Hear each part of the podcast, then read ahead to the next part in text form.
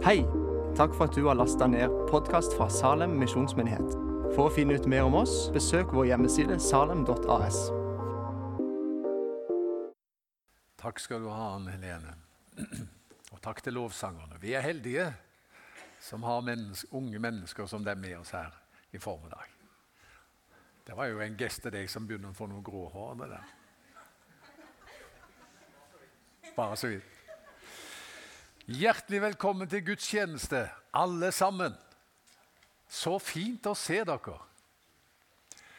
Det er stas med barnevelsignelse. Og her sitter familien på rekke og rad. Veldig kjekt å se dere. Og så er det sånn at vi er en eneste stor familie. Så når det skjer noe liksom, i en liten familie, så gleder vi oss i storfamilien også om det. Nå skal vi dele Guds ord, og til opplysning så kan jeg si at eh, vi holder da på med en eh, taleserie i apostlenes gjerninger. Vi har kalt den kapittel 29. Og en oppmerksom leser vet at det er bare 28 kapitler i apostlenes gjerninger. Og kapittel 29 det blir liksom fortsettelsen det da, på de første 28. Og så handler det om hva kan vi lære av de første kristne? Vi som har et kall over livet vårt til å leve Kristuslivet i hverdagen og til å dele troen på Jesus med vår generasjon og vår samtid. Hva kan vi lære av dem? Og Da skal vi lese nå, vi er kommet til kapittel 6 og skal lese de syv første versene. Overskriften i min bibel er 'En ny tjeneste i menigheten'. Vi leser Jesu navn. På denne tiden, da tallet på disipler stadig steg, kom de gresktalende jødene med klager mot de hebraisktalende, fordi deres egne enker ble tilsidesatt ved den daglige utdelingen. De tolv kalte da sammen alle disiplene og sa:" Det ville være galt om vi forsømte Guds ord for å gjøre tjeneste ved bordene. Velg nå ut blant dere brødre sju menn som har godt ord på seg og er fylt av øh, har godt ord på seg, jeg mista plutselig tråden her, og er fylt av ånd og visdom. Dem vil vi sette til denne oppgaven. Så skal vi vie oss til bønnen og tjenesten med ordet. Dette forslaget ble tatt godt imot av hele forsamlingen. Og de valgte Stefanus, en mann fylt av tro og hellig ånd, og Philip, Prokoros, Nikanor, Timon, Parmenas og Nikolaus, en proselytt fra Antiokia. Disse ble ført fram for apostlene, som ba og la hendene på dem. Guds ord nådde stadig flere, og tallet på disipler i Jerusalem økte sterkt. Også en stor flokk av prestene ble lydige mot troen. Amen. Herre, dette er ditt ord. Tal til oss gjennom ordet ditt i denne stund. Amen. Troens folk har en venn. Han har vi allerede sunget om, og det er Jesus. Vi har også en fiende. For eh, det er ikke sånn at den dagen da du ble omvendt, så ble djevelen omvendt. Det er ikke sånn.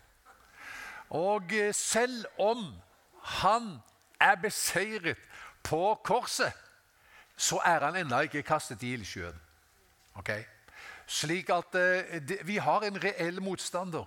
Og i de første kapitlene her av apostlenes gjerninger så ser vi at eh, fienden, djevelen, på forskjellige måter prøver å hindre det verket av Gud som nå skjer blant eh, de første kristne i Jerusalem. Det er tre angrepslinjer som han har. Den første angrepslinjen det er forfølgelse.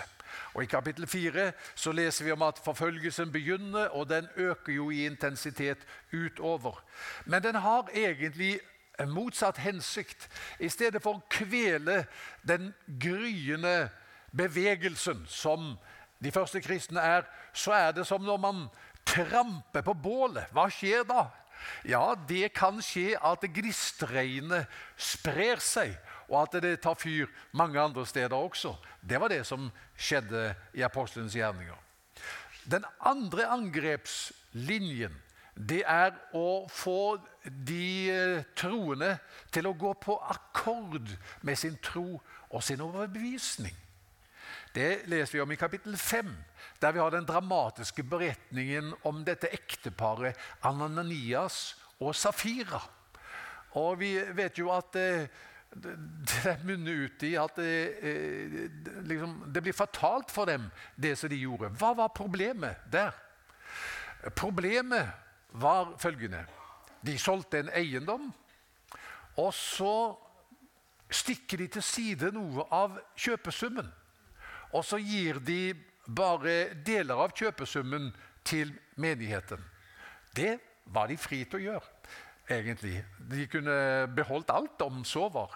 Men det som var problemet, det var at de ga skinn av å være noe de ikke var. De ga, hel, de ga uttrykk for at det de nå kom med, var hele kjøpesummen. Og så var det bare en del av den. Så de var ikke sanne. De vandret ikke i lyset. Det var et hykleri over dem, og det ble for dem fatalt. Så, så det er liksom en angrepslinje, det òg. Det å få kristne til å gå på akkord med deres tro. Så det tredje, og det er det vi skal ta for oss i dag, eh, det er også en angrepslinje. Og det er intern konflikt i menigheten. Hm. Det kunne også være noe som kunne spore denne bevegelsen av. Menigheten vokste. Lederne greide ikke å håndtere utfordringene som det innebar med alle disse nye menneskene, og resultatet ble murring og uro i rekkene. Det er jo interessant dette, da. Altså, Den hellige ånd er sterkt til stede i disse kapitlene.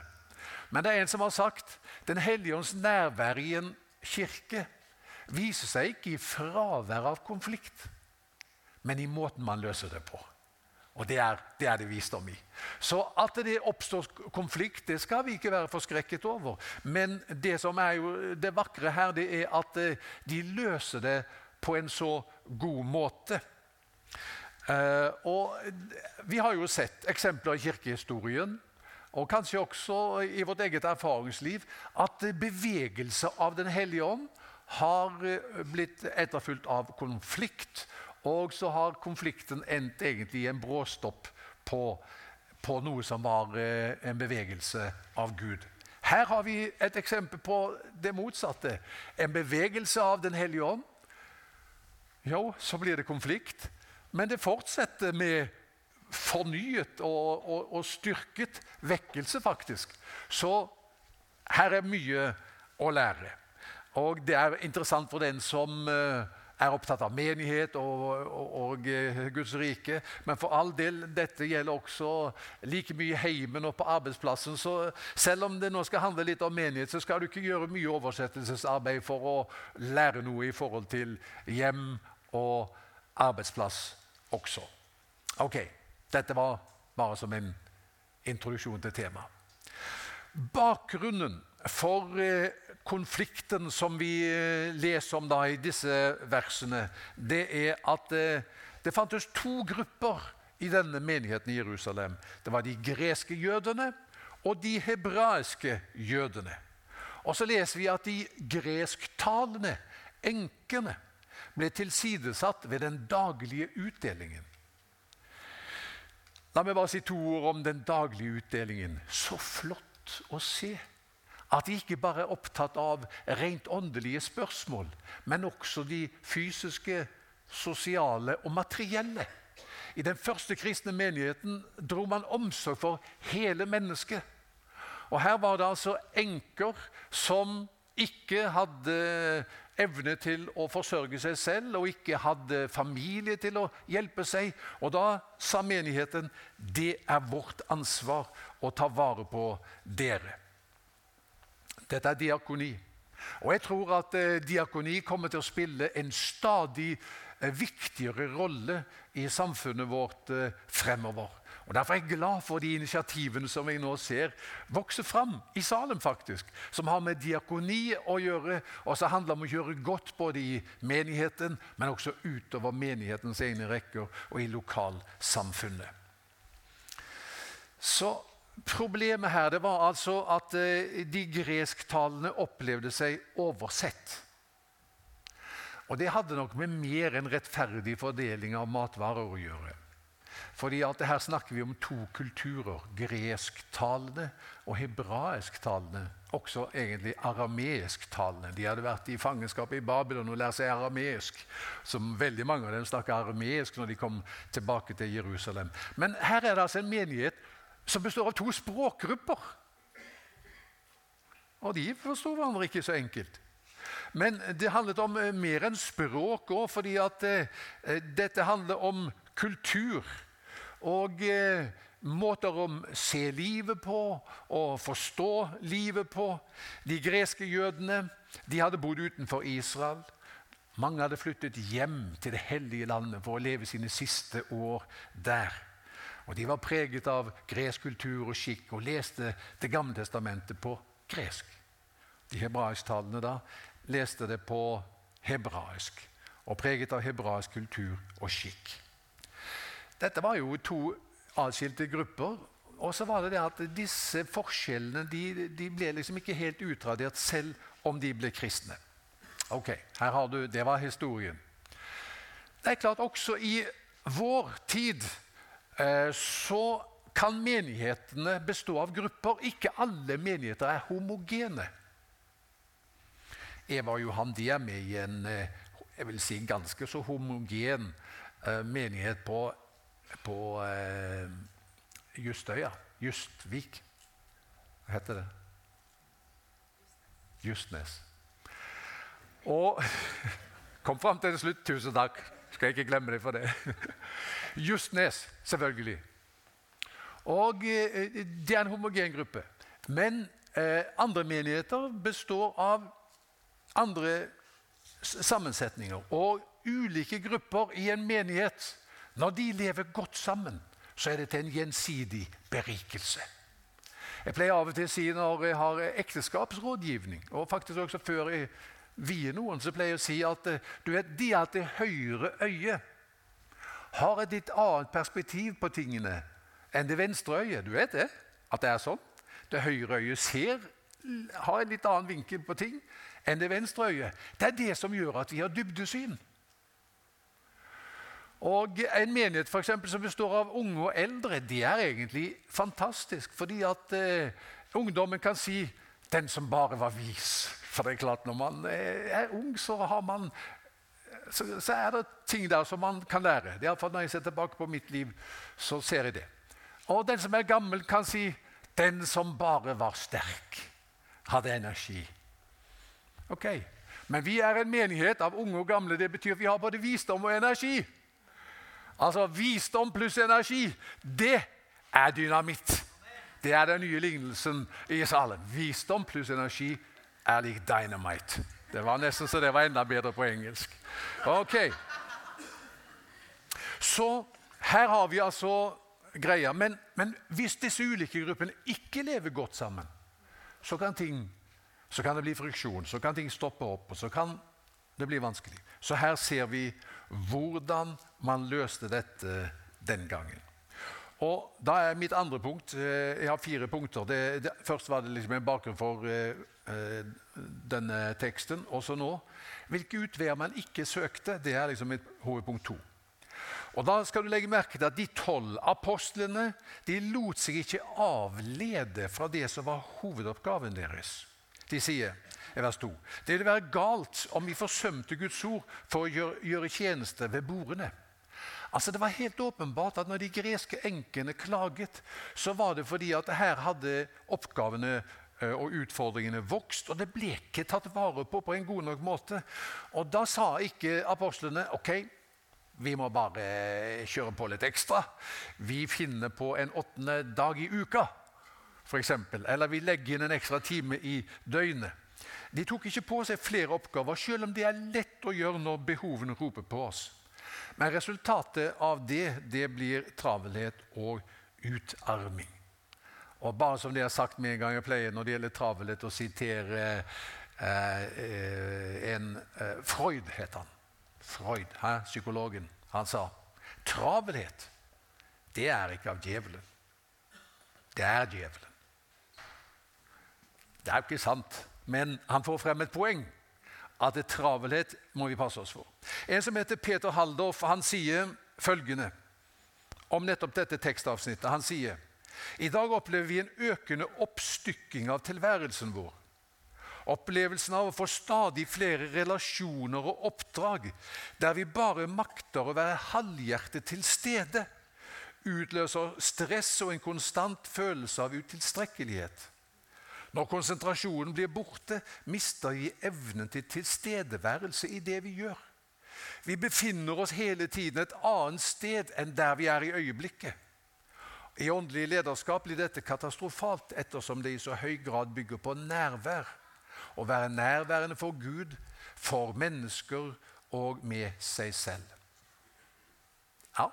Det er godt sagt. Hvis ikke du fikk tak i det, kan du få det av meg etterpå.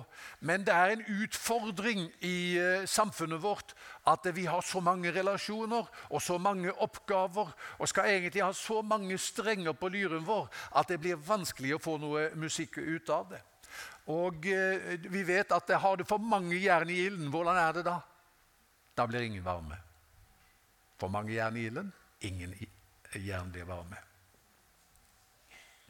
Så de sier, de tolv, løsningen på dette er ikke at vi sprer oss liksom litt sånn tynnere utover flere oppgaver.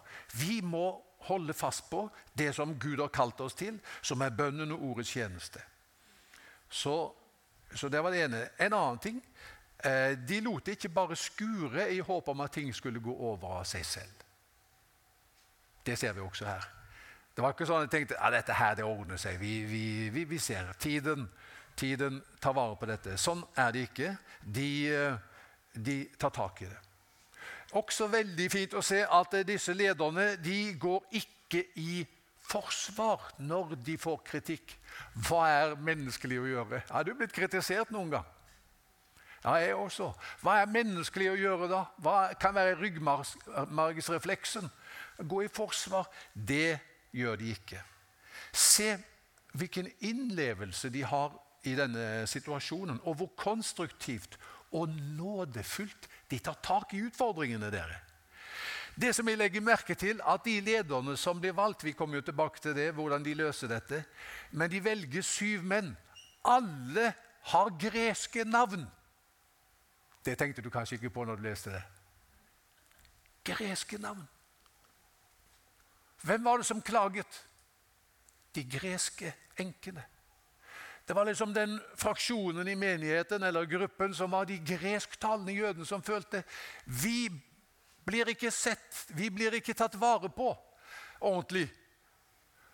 Og da velger man altså ledere som har greske navn, og som derfor forstår kulturen og kan skjønne dem og kan virkelig gå inn og lytte og ta vare på dem og tale deres sak og sørge for at eh, de blir eh, hørt.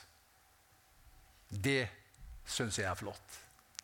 Og det er viktig i, eh, i denne veien når vi står overfor noe som er utfordrende. At vi ikke går i forsvar, men møter det med innlevelse og nåde. Det tenker jeg er fantastisk fint. Hvordan løste man så denne utfordringen, da? Jeg har jo for så vidt vært litt inne på det. Det er mitt tredje punkt. Det er at de kalte menigheten sammen.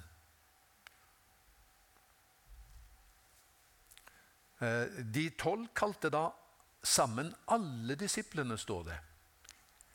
Så dette ble altså ikke løst på bakrommet. Det var ikke en liten gruppe av ledere som løste dette. Men de sa nå må vi samle menigheten. Så samler de menigheten. Hva forteller dette oss? Hør. Pinsedag det er en demokratisk hendelse i kirkehistorien. Pinsedag kan vi godt si det var dagen da Guds folk ble myndige. Ånden ble ikke gitt til noen få utvalgte som skulle lytte til Gud på vegne av de andre. Hvem var det som ble fylt pinsedag av Ånden? Da ble de alle fylt av Den hellige ånd, leser vi. Og så talte de Guds ord. Slik at de kaller menigheten sammen, og så lytter man seg til en vei videre sammen. Som eh, det også ellers står i Skriften, Den hellige ånd og vi har besluttet. i et fellesskap. Så legger de, de tolv da framfor menighetsmøtet en dagsorden som ble godt tatt imot av hele forsamlingen. Det også er jo vakkert, syns jeg. da. Godt tatt imot av hele forsamlingen. Og den gikk ut på følgende. Velg nå ut blant dere brødre sju menn som har godt ord på seg og er fylt av ånd og visdom. Dem vil vi sette til denne oppgaven. Så skal vi vie oss til bønnen og tjenesten med ordet.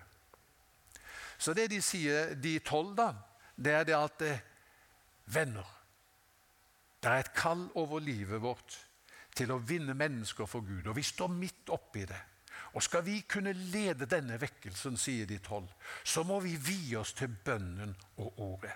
Hvis vi nå det er ikke at de andre oppgavene er mindre viktigere. Det er bare det at det er så og så mange jern man kan ha i ilden.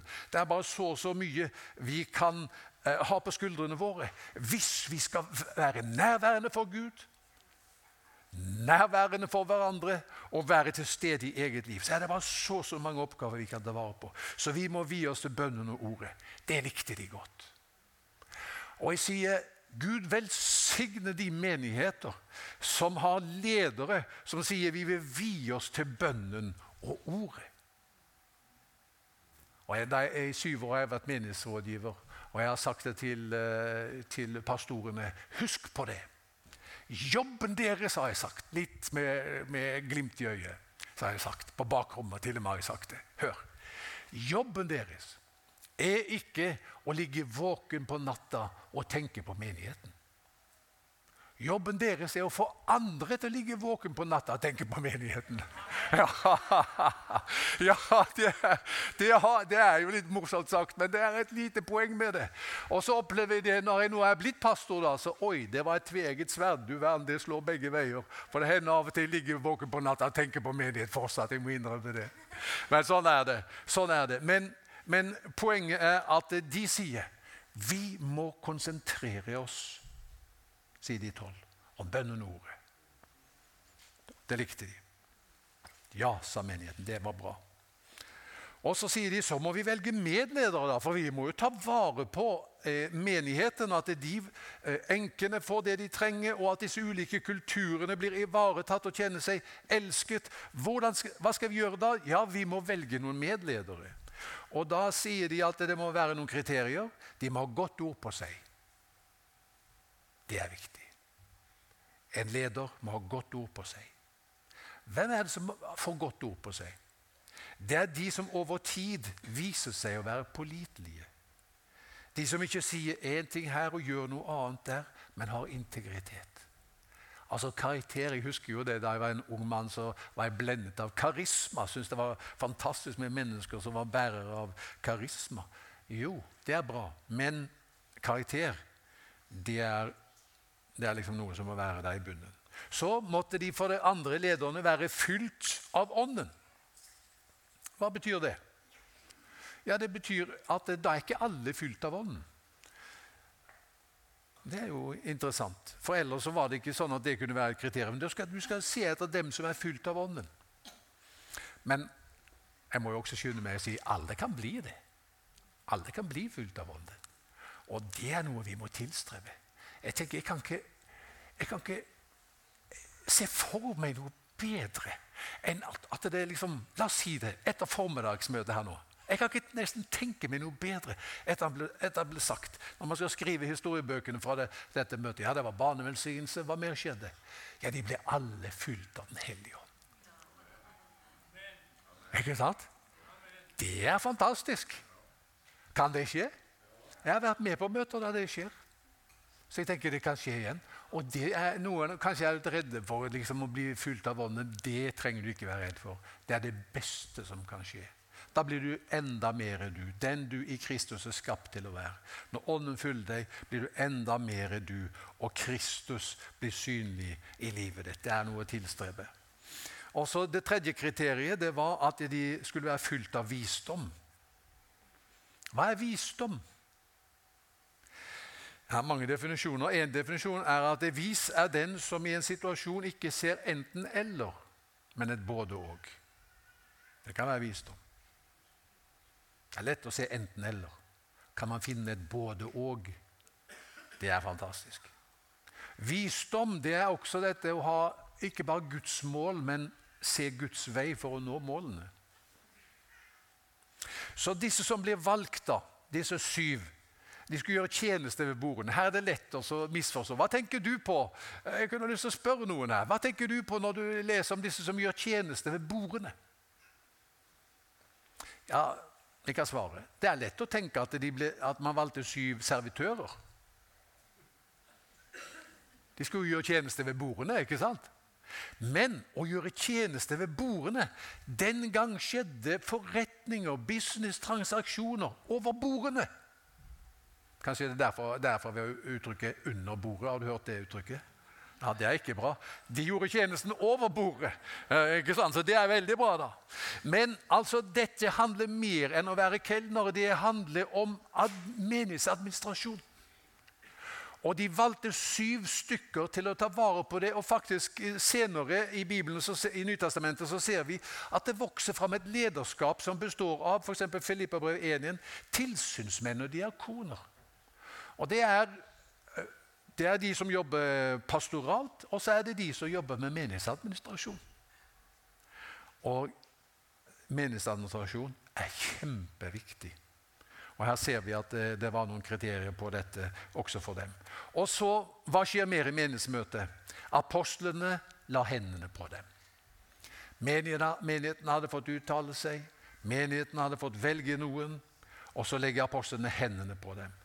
Jeg tenker Håndspåleggelse det er det viktig at vi eh, praktiserer også i dag. I den første kristne menigheten så var det vanlig. Man... Eh, man, det var iallfall tre funksjoner når det gjaldt håndspåleggelse. For Det første var det håndspåleggelse i forbindelse med bønn for syke. Hør Apostelens gjerning 28,8. Far til Publius lå akkurat da syk, plaget av feber og dysenteri. Paulus gikk inn til ham. Han ba og la hendene på ham og helbredet ham.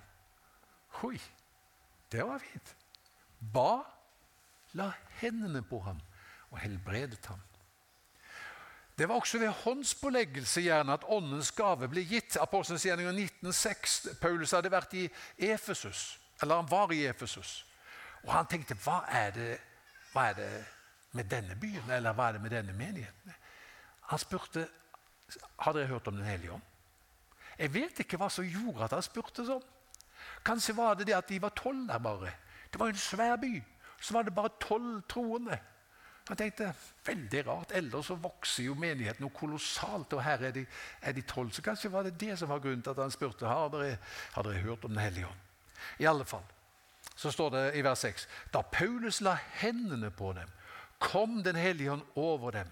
De talte i tunger, og de talte profetisk. Det er jo viktig òg. En formidling av eh, en hva kan vi kalle det, salvelse, en fylde av Den hellige ånd. Og For det tredje så ble håndspåleggelse brukt i forbindelse med innvielse til lederoppdrag og tjeneste, som vi har et eksempel på her. De, de syv ble ført fram for apostlene, som ba og la hendene på dem. Og Da kunne hende det ble uttalt profetiske ord over dem, som Timotus opplevde. Så Sånn løste de dette. Og hva ble resultatet og det er mitt siste punkt ganske kort, hva ble resultatet av denne konflikthåndteringen? Jo, vers 7.